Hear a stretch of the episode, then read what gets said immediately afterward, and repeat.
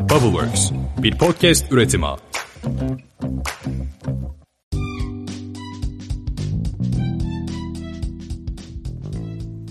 Merhabalar, Boş İşler'in 9. bölümüne hoş geldiniz. Ben Seha. Ben de Atakan. Evet, yine bir hafta daha sizlerle beraberiz. Evet.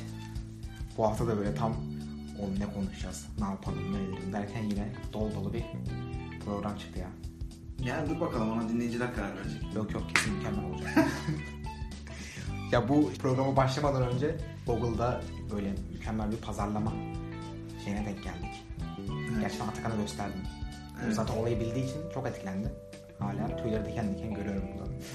Yani gerçekten felaket bir olay. Hala etkisinden çıkamadım. Hatta şurada açıp bakmak istiyorum tekrar yani. Böyle basası geliyor değil mi? Ona Yani. Google'a e, Thanos yazınca orada böyle bir e, Thanos'un olayını ben bu arada bilmiyorum. O benim cahilim. Sen yine ama- kendin bilmeyenler için ne olduğunu istersen kısaca söyle mi? Neyi? Thanos'u bilmeyenler için. Thanos'u bilmeyenlerin... Tamam sen söyle. Thanos'un ne olduğunu sen söyle, olayı ben söyleyeyim. İşte Marvel'ın çok e, önemli karakterlerinden birisi. Bütün derdi insanlığın yarısını falan yok etmek. Böylece açlığa falan çözüm bulabilecek olduğunu düşünen bir arkadaş. Böyle bir enteresan canavar tipli, biraz çirkin, kendince karizmatik, biraz da duygusallığı olan bir karakter. İşte oradaki bütün süper kahramanlar da işte Kaptan Amerika'sından aklınıza kim geliyorsa onu devirmek için uğraşıyor. Şu anda biliyorsunuz yayında olan film işte e, Endgame'de artık orada iyice gücü ele almış durumdaydı. Çok da şey yapmayalım da yani bir öncekinde e, elinde bir eldiveni var. Orada güç taşları var. 5 tane bunları topladı ve parmağını şıklatmasıyla oradaki karakterlerin yarısını dünyadan sildi. Ama silerken de böyle filmde şey vardı yani parça parça gibi yani işte koldan böyle dökülerek bir hafiften bir esintiyle beraber parçalanıp dökülüyorlar gibi bir gücü var arkadaşın. Aslında bu kurguyu da alıp Google çok güzel bir şekilde reklam pazarlaması yapmış. Evet. TechCrunch'ta haberini görmüştüm bunu. Google'a Thanos yazdığın zaman orada bir o eldivenin logosu çıkıyor. Ona basıyorsun ekran böyle aşağı doğru iniyor. O garip sesler. Bütün böyle yarısını haberlerin yarısını yok ediyor. Bildiğiniz oradaki linkler böyle teker teker kalkıyor ve o efektlerle beraber yapmışlar. Dediği gibi ses de var, o görüntü de var. Yani acayip bir dinledikten sonra basın. Hatta isterseniz şu an şey yapın. Vallahi Şu an evet durdu. Kırılmam yani. Hatta bekleyelim bir 5 dakika. bitti mi? böyle, saçma sapan bir şey yapsın. Nasıl süper ama. Sonra tekrar eldivene bastığında yine çok garip bir sesle eski haline falan dönüyor. Geri haberler geliyor. Enteresan bir görüntü var. Valla çok dehşet bir reklam çalışmış ol- olmuş. Yani bunu acaba şeyi merak ettim. Ya muhtemelen anlaşmalıdır bu Marvel'la Tabii canım. diye düşünüyorum ama eğer Google bunu kendi böyle jest olarak yaptıysa enteresan ama yapmaz tabii. Orada büyük bir anlaşma vardır hemen. Bence de. Neyse tüylerimiz diken diken oldu. Bunu söyleyelim dedik. Biraz önce yaşadığımız için o an. Kreatif ekiplere duyurulur. Aynen. Ve bu haftada biz Atakan e, Clocker olarak Gerçi sen gelemedin maalesef. Ama Evet. Adnan Menderes Anadolu Lisesi'nin bir etkinliğindeydik. Orada liseli gençlerle buluştuk. Girişimcilik Kulübü'nün atölye etkinliği. Hı hı. İşte böyle şeyler geliyor, girişimciler geliyor, e, şirketler geliyor. Belli başlı konularda, sınıflarda gençlere orada liseli ve bir şeyler yapmak isteyen gençlere workshop veriyorsun. Biz Clocker olarak oradaydık. Çok da güzel bir e, workshop yaptık. Çok da memnun kaldılar. Biz de çok memnun kaldık. Baya böyle eğlenceli, keyifli bir ortamdı. Çocuklara orada işte e, fikir bulmakla alakalı, MVP ile ilgili, işte fikirler kaça ayrılır gibi böyle birkaç tane şey yaptık. Sonunda da workshopta da Fikirler kaça ayrılır ne be? Fikirler kaç ayrılır? Fikirler dörde ayrılır. Bir. ya bu tabii böyle kuralı olan bir olay değil ama fikir bulma, işte problem e, çözme. Aslında her e, girişim fikri bir problem çözmek zorunda da değil. Mesela Facebook bir problem çözmüyor ama insanlar onu kullandıkça, bir alışkanlık yarattıkça Facebook kullanmama e, problemi ortaya çıkıyor. Evet. Instagram gibi mesela. E, vitamin, aspirin Vitamin aspirin olayına değindik. Yani e, nedir olay? Burada da bir değin istersen. burada da değineyim. Ben gelmediğim için siz bu Evet, workshopta çok şey oldunuz Çok iyice. Antrenmanlısın sen deyin. Anlatayım ben. Vitamin ve ağrı kesici. Bu fikirleri işte hatta girişimleri ayırdığımız iki başlık. Ağrı kesici direkt sorunu çözüyor. İnsanlar onu almak zorunda kalıyor. Çünkü çok ciddi bir problemi çözmüş oluyor. Vitamin de yani almasam da olur ama güzelmiş. Biraz alayım. Böyle günler geçtikçe kullandıkça da alışıyorsun. Instagram vitamin örneği. Evet. ağrı kesiciye de bir örnek şu anda nasıl bulabiliriz?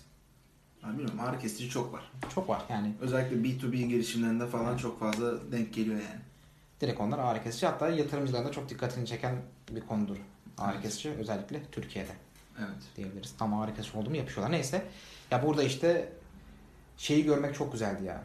Liseli. Yani ben mesela kendi lise hayatımı böyle düşünüyorum. Yani girişimcilikle ilgili zaten hiçbir şey bilmiyorum. Girişimcilik diye bir şeyin varlığından haberdar de- değiliz. Ama çocukların yani bizimle sohbet etmesi, ben de bir şeyler yapmak istiyorum demesi, yazılımı öğreneceğim, pazarlama yapmak istiyorum diye böyle sorular sorması mükemmeldi. Son zamanlarda zaten Türkiye'de, İstanbul'da yani bizim özellikle liselilerin farkındalık boyutunu ciddi bir şekilde görmüş olduk. Yani Cemal bölümü zaten dinlemişsinizdir Cemalli bölümü. O çok farklı bir olay. Onun gibi birçok genç var. Bir şeyler yapmak isteyen ve çok erken yaşta atılan. Yani ben Türkiye'nin en azından bu tip liseli şeyin e, güçlü olduğunu düşünüyorum ve ileride de bunlar büyüyecekler. Şirketler kuracaklar. Evet. Olumlu yani bu girişimcilik kulüplerinin şu anda bu yıl sırf benim denk geldiğim onun üstünde lise var ve bunlar yalnızca şey değil. İşte örnek veriyorum Kabataş Erkek gibi ya da işte ismini hep duyduğumuz liselerin kulüpleri değil. Mesela ben de işte Kartal Anadolu Lisesi'nden mezunum.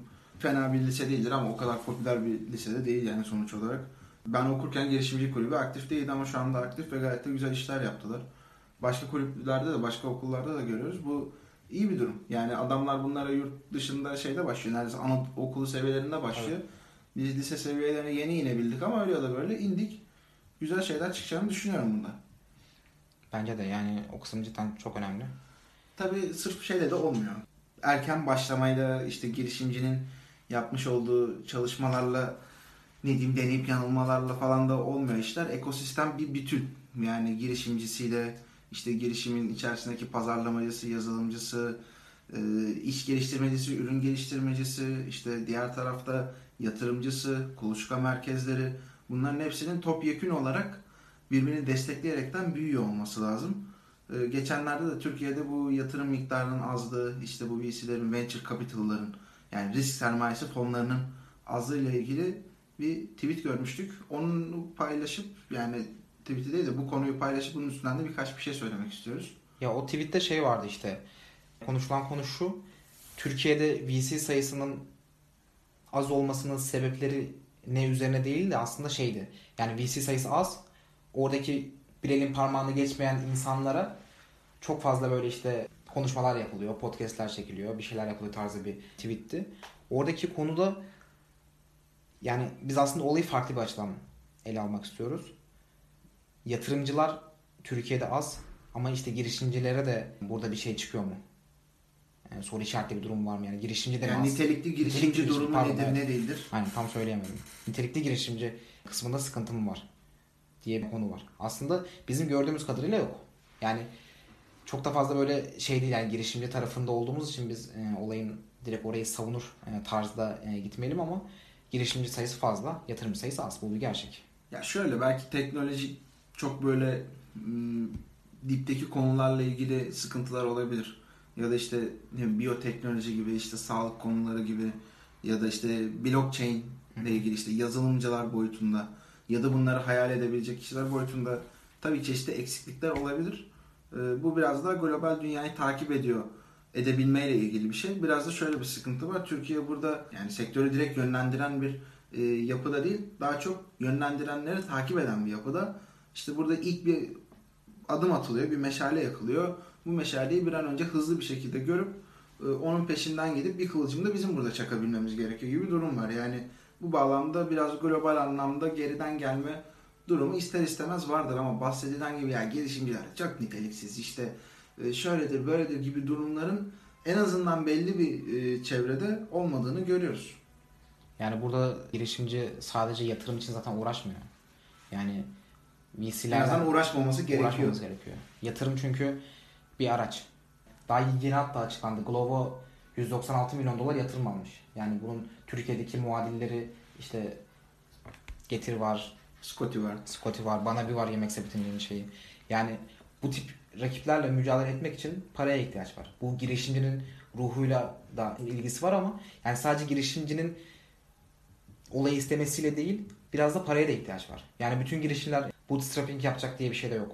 Çünkü herkes o esnada para kazanmıyor olabilir. Çünkü amaç iş modelini oturtturmak. Şu bootstrapping'i de istersen bir kısaca bir açıkla Evet. öyle devam Ya bootstrapping böyle tam e, kelime olarak Türkçe karşılığı yok ama kendi parasını kazanarak büyümek. Ya işte bazı girişimler var. Kendi kendine çeviriyoruz, Kendi- işi döndürüyoruz gibi bir durum olması Döndürüyor. aslında. Aslında çok faydalı bir durum. Bootstrapping yapıp da kendi parasını kazanan girişim olup da yatırım alan şirketler de var. Onun sebebi de işte bu 196 milyon dolar gibi Glovo gibi şirketler bunu niye yapıyorlar? Bir üst lige çıkmak amaç. Evet. Yani oradaki şirket yapısını değiştirmek, teknoloji yapısını değiştirmek. Yani yoksa kendileri devam ediyorlar. Ya sonuçta adam global bir şirket. Her gün yeni yeni ülkelere açılıyor. Girdiği ülkelerin çoğunda da öyle da böyle bir rakibi var. Ve bu rakiplerle birdenbire ciddi bir mücadelenin içerisine girmesi lazım. İşte bunun için de kampanyalara ihtiyacı var. Kuvvetli reklamlara ihtiyacı var. Sırf kullanıcı tarafında değil bu arada işte işin motorla ilgili taşımasını yapacak kişilerle ilgili de e, şey var. Yani ciddi maliyetler bunlar öyle kolay işler değil. Dolayısıyla burada yatırım bayağı itici güç oluyor. Tabii yani şunun ayrımının çok iyi olması gerektiğini düşünüyoruz. Mesela biz bunu Clocker'da da yaşıyoruz. Direkt e, yatırımı alamadım iş bitti e, yapamayacağız gibi bir şey yok. Yani biz aslında ilk başlarda ya bizim mutlaka bir yatırıma ihtiyacımız var falan diye düşünüyorum daha fikir aşamalarında. Yani şu anda geldiğimiz noktada görüyoruz ki yatırım olmadan ekip de kuruluyor. O ekip harekete de geçiyor. E, gerek kurumsal gerek lokal işte daha e, yeni işte KOBİ diyelim e, o seviyelerde olan şirketlerle anlaşmalar yapabiliyor, görüşmeler de yapabiliyor. Yani bu işin girişimcinin kendi özünde bulunan güçle alakalı bir şey aslında. Yani moral bozucu pek çok durum oluyor ama bunlardan ne diyeyim ilk sıralarda yer alması gereken şey yatırım alamamak olduğunu düşünmüyoruz açıkçası. Bu yatırımın e, şöyle olması gerekiyor. Aynı işte Glovo'daki gibi seni birazcık daha hızlandıracak bir şey. Gerçi bunun tersi örnekleri de var. Örneğin işte Spotify Spotify daha yani bana da yine Seha söyledi bunu da. yeni açıklandı. Ee, işte enteresan bir durumu varmış. 2019 ilk çeyrek raporunu açıkladılar. Yani 100 milyon para veren kullanıcısı var Spotify'ın ama Hı hı. hala para kaybediyor. Kazanamıyor yani. Ama milyar dolarlık bir girişim. Milyar dolarlık girişim. Unicorn seviyesinde olan bir girişim. Zaten halka da e, açılmışlardı. Hı hı. Ya burada şey biraz sıkıntılı. Şimdi yaptıkları iş müzik işi. Müzik işi olduğu için orada Telifler şey- tabii ki deli gibi. var. İnanılmaz bir zaten adamların e, podcast işine yönelmesinin sebeplerinden bir tanesi de bu. Telif yok. Oh. Biz de Ah, şimdi ile Atakan'dan ne telifi kim ne olacak ki? Spotify'a Ya, içerik üretiyoruz anasını satayım. yani ses ve kulak e, adamların odaklandıkları iş bu. Ya burada şey kısmı cidden çok ilginç geliyor bana. Yani 100 milyon insan para veriyor ve hala para kazanamıyorsun. Yani burada sadece yatırım da kurtarmıyor. Aslında sen önümüzdeki 5 ya da 10 yıl sonrasında para kazanacak modeli bulmaya çalışıyorsun. Yani Evet. burada girişimcilere ve e, girişimlere çok fazla şey yapmanın da lüzum yok gibi geliyor bana. Evet. Bu arada şurada şöyle bir şey var. Kullanıcına ya da işte müşterine iyi bir deneyimi sunuyor olmanın e, ne derece artı sağladığını gösteren rakamsal bir durum. Spotify'ın 100 milyon e, premium üyesi var. E, Apple'ın neredeyse tam yarısı 50 milyon civarlarında. Ya Apple dediğin şirketi seviyesini yani burada konuşmaya gerek yok. Oradaki nakit akışının ne seviyede olduğu falan anormal rakamlar yani. Ama adam bu işi parayla çözemiyor. Spotify'da halen daha kar edemeyen işte yatırımlarla götüren ya da işte masraflarını karşılayan dev bir şirket olarak adamların önüne geçiyor. Şu an mükemmel bir konuya değindin. Sana Bana hiç bahsetmediğim bir şey söyleyeceğim. Bak bundan dışarıda başka bir konu. Zoom vardı ya bu video konferans Evet, evet. şey uygulaması. Amerika'da onlar yeni IPO yaptılar. Halka arz edildiler. O zamana kadar birçok şirket vardı video konferans işi yapan. İşte Skype'lar var bilmem neler var. Ama Zoom'un başarılı olma sebebi senin de bahsettiğin Apple, Spotify niye e, Apple Müziğe karşı çok daha güçlü? Kullanıcı deneyimi. Onu şirketler çok sevdi. Kullanıcılar çok sevdi ve Zoom o konuda başarılı oldu yani. Bu mesela Evet. çok fazla konuşulan bir konu. Şey var. Y Combinator'ın kurucusu Paul Graham bu konuyla ilgili yani biz yüzlerce video konferans girişimine yatırım yaptık ama işte hiç şey olmayan Zoom geldi, yıktı hepsini. Orada Evet. kullanıcı odaklı olmak çok önemli. Bu arada Zoom'u gerçekten tavsiye ederiz arkadaşlar. Ee, bu video konferans için. Yani çok basit bir şekilde bir link oluşturuyorsunuz. Linki herhangi bir yerden atıyorsunuz işte WhatsApp'tan oradan buradan. Linke bir basıyorsunuz oradan karşılıklı yayındasınız ve işte kim konuşuyorsa onu öne çıkartıyor. Orada işte güzel belli ediyor. İşte ekranı bilgisayarın arayüzüne döndürüp orada yapmış olduğunuz çalışmaları birbirinize gösterebiliyorsunuz falan. Bayağı nitelikli. Bir de hızlı da bir şey. İşte başta bir tek şeyi bir süre belirliyorsun. Örnek veriyorum 30 dakika konuşacağım diyorsun. O süre bittiği zaman tekrar açman gerekiyor ama e, ekstrem yorucu bir problem değil yani gayet verimli çalışması olan bir şey. Şu an resmen biz bile şey yaptık. Zoom'u kullandığımız için ve çok sevdiğimiz için adamların öyle. tam bir ağızdan ağza yayılma Hı, reklamlarını yapmış. Adamlar boşa halka arz edilmemişler. Ee, bu arada tabii şöyle bir şey de var. Ee, yatırımların işte nasıl kullanılacak olduğu, yatırımın buradaki konumuyla ilgili bir şey var ama bir yandan da girişimcinin işte bir sürü şeyi denemesi, e, deneyip yanılması, bu yanılgılardan dersler çıkartması. İşte tarif edilen bir örnek vardır. Girişimcilik işte uzun bir yoldur. Bu yolda işte karşına dağ çıkacak, bayır çıkacak, çukur çıkacak bilmem ne düşeceksin. Ama kalkacaksın. Kalkıp küllerinden doğup yeniden devam edebileceksin. Ee, Bununla ilgili de şu anda Türkiye'den çıkmış olan değerli girişimlerden bir tanesi şu anda Silikon Vadisi'nde bulunan Sinemia'nın daha çok yeni bir şey var. Hatta bunun haberini de geçen sefer tam podcast'i Evet. bitirdik. TechCrunch'tan bildirim düştü değil mi? Ee, orada öğrendik. Onunla ilgili de biraz konuşalım. Sinemia iş modeli değiştiriyor. Tam detay bilmediğimiz için konuşamamıştık. Evet. Amerika'daki iş modellerini değiştiriyorlar. Yani B2C'den B2B'ye geçiyorlar. Sinemia'nın da çok kısaca bir ne olduğunu istersen Söyleyeyim değinelim. sinema aylık sinema üyeliği satıyorlar. Abonelik. Abonelik üyeliği aynen. Hı hı. Ya bu zaten Türkiye'de bir ara çok başarılıydı yani o konuyla ilgili.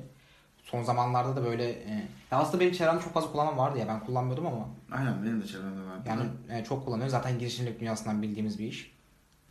Bu şeyi direkt aynı şekilde Amerika'da götürdüler. Orada da aslında güzel işler yaptılar ama bir e, taktik değişikliği. Aslında buna biz pivot etmek diyoruz. Amerika'da pivot ettiler. Yola çıktılar ve e, ürünün farklı bir şekilde tutacağını gördüler. Evet. Yıllardır yaptıkları işin çok güzel bir yazılım işi olduğunu fark ettiler.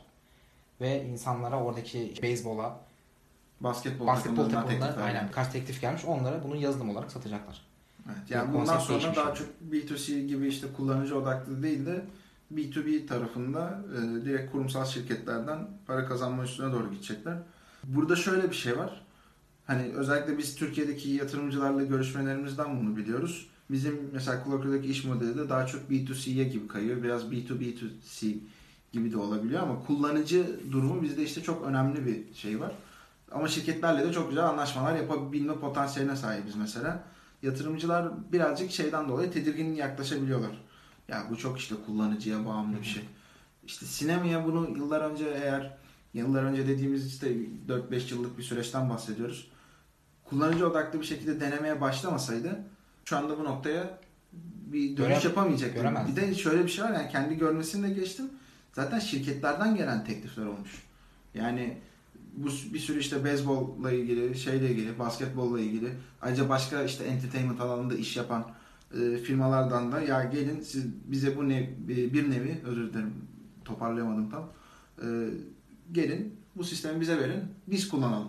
Bundan sonra kullanıcıyla muhatap biz olalım gibi bir teklif gelmiş. Adamlar da e, bunu güzel bir şekilde değerlendirmişler. Gerçi kullanıcı tarafından geçişte biraz hızlı dav- davranıp ufak tefek bir yaşadıkları problemler var. Twitter'da biraz Amerikan halkı tarafından ufak çaplı bir linçe uğruyorlar. Yani onların hepsi çözülür bence. Evet. Türkiye tarafı için önemli olan e, konu oradaki know-how. Bunu oraya gidip gören insanların gelip Türkiye'de girişimleri bunu aktarması, anlatması. Biz aslında ekosistem bu şekilde gelişecek. Evet. Yani bu çok değerli bir olay ya. Gidip orada ürün satmak. Bunun geri bildirimlerini görmek, pivot etmek. Ya bu tip tecrübeler olmadığı için biz aslında şeyi konuşuyoruz. Mesela 196 milyon dolar yatırım alan şirketi konuşuyoruz. Türkiye'de bunlar arttıkça zaten gelecek. Ya biz Insider'ın 15 milyon dolarlık yatırımını duyunca Havada uçtuk havalara ya. uçtuk ya. Aynen. yani. Yani nasıl sevindik adamlar nasıl yatırımlar alıyor. Ee, bakalım ne zaman olacak bu işler merak ediyoruz ama olacak yani bir Ya şekilde. bence şey kısmında olacak ya. Mesela insanlar e, şirketini sattığı zaman onlara kızmadığımızda yani bir de bizde öyle bir şey var. e, durum var. Niye şirketini satıyorsun? Aslında adam e, şirketini satmıyor. Yani satmakla e, bize kattığı şey şu. Şirket nasıl satılır? Yabancı şirket alan e, insanlarla nasıl konuşulur? Nasıl sunum yapılır? Nasıl ikna edilir? Bize kattığı şeyler çok fazla. E bunların birkaç örneğini görmeden de bu şekilde işlemler yapamayız. Evet. Yani bu Yani mesela görmemiz gerekiyor. İsrail dediğin ülke hani hep derler ya İsrail de ufacık ülke ama nasıl para kazanıyor? Bu Yahudiler de ticareti çok iyi biliyor falan. Yani adamların sattığı girişimin haddi hesabı yok ya. Yok yok. Yani şey gibi tornadan parça çıkartıp satıyormuş gibi girişim üretip belli bir seviyeye getirip biraz globalleştirip bam diye satıyorlar. Hem de abuk subuk rakamlara yani ülkeye giren bu hızlı nakit akışının ve işte know-how'ın belki o nakitten daha değerli onu gelecek nakitleri destekleyen şeyin haddi hesabı yok yani. Yani bizim için de zaten bu tip örnekler çok iyi olacak ya. Evet bakalım inşallah e, bu yeni mücadelelerinde sinemaya, sinemaya başarılar diliyoruz. Ama başarılı olacaklarını da zaten Düşünüyoruz ya. Yani şey düşünüyoruz. zaten çok fazla duyduğumuz bir e, ekipti. Ben şimdi Rıfat Oğuz'a bir mail atma kararı aldım. Yani. Aynen. Bir güzel destekleyici mail Evet. atalım. Bir de şey diyeceğim ya. Bu B2C ile ilgili tecrübelerimizi paylaştık. Hakikaten ya bak bu kadar konuşuyoruz bir de alalım ya. Değil mi? Vallahi değil mi? Ben ekleyeceğim ya. LinkedIn'den hemen program bitiminde ekleyeceğim. Bekle beni Rıfat Oğuz. Geliyorum. fazla Atakan geliyor ya. Şimdi bu aralar çok yoğundur ya. Pivot etme süreci zordur ya. Bir iki tane de güzel örneğimiz var bu arada pivot etme ile ilgili. Ya Çok evet. e, bilinen, aşırı bilinen uygulamalardan. Facebook ve WhatsApp örneği var mesela. Yani Facebook'ta insanlar işte yıllar önce 2005 yılında mesela fotoğraf paylaşmak diye bir şey internette yoktu. Yani bu aslında şu anda çok basit olarak e, konuştuğumuz bir konu ama Instagram'da paylaşmak- olmazsa olmazı canım. Ama böyle bir olay hiç olmadığı zaman fotoğraf paylaşmak nasıl bulundu? Bununla ilgili bir anekdot var. Paul Graham'ın yine yazısından e, okudum. Facebook'ta e, profil değiştirme özelliği e, ekleniyor. Profil fotoğrafı değiştirme özelliği ekleniyor. Profil fotoğrafı değiştirebiliyorsun.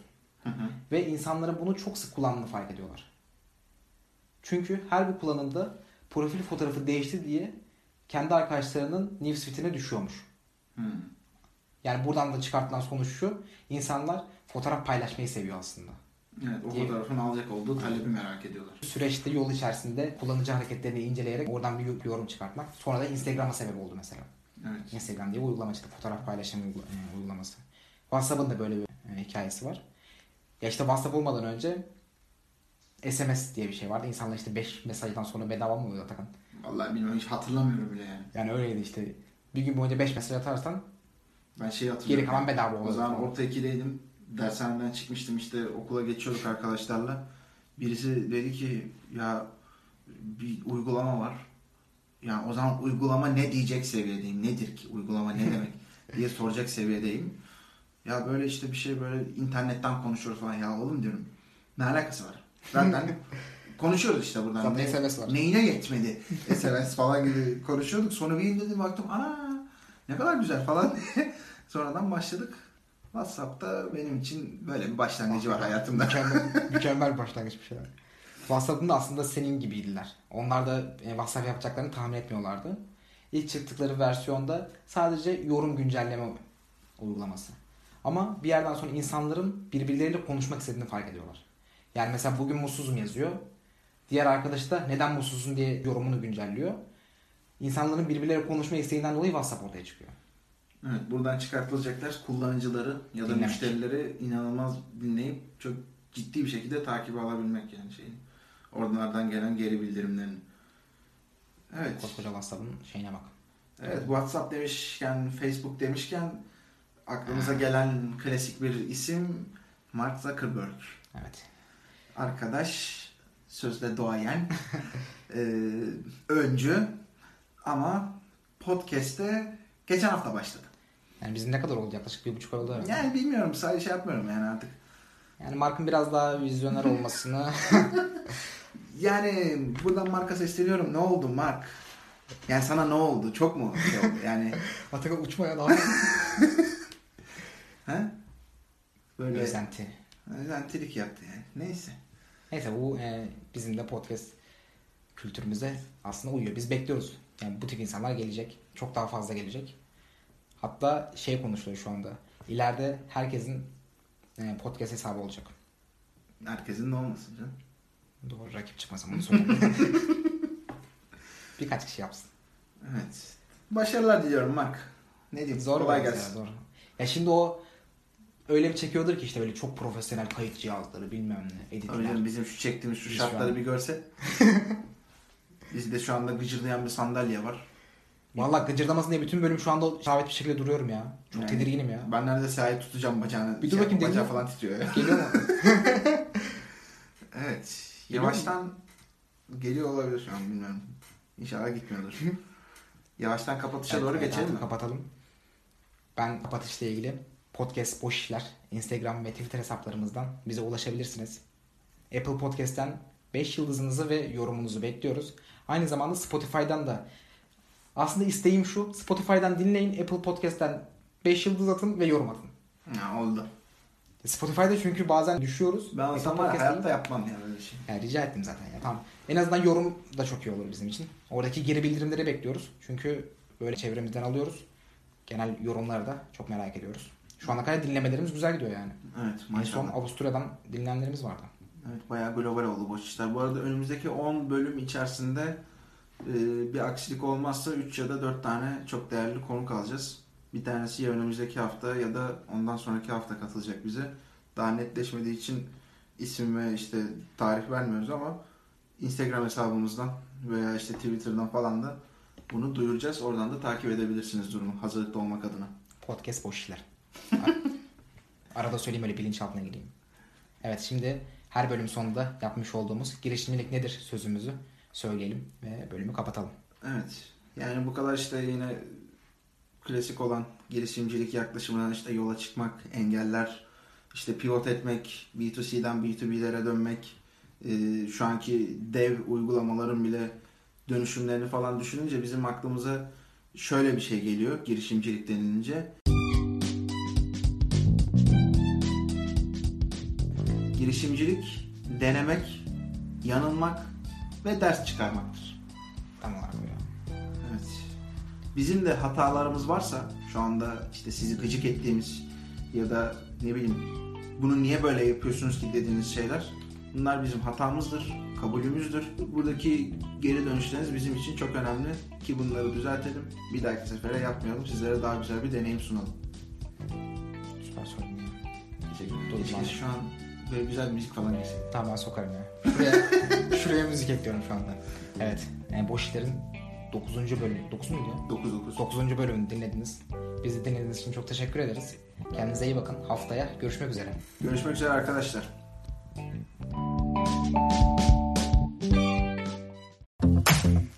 Bubbleworks bir podcast üretimi.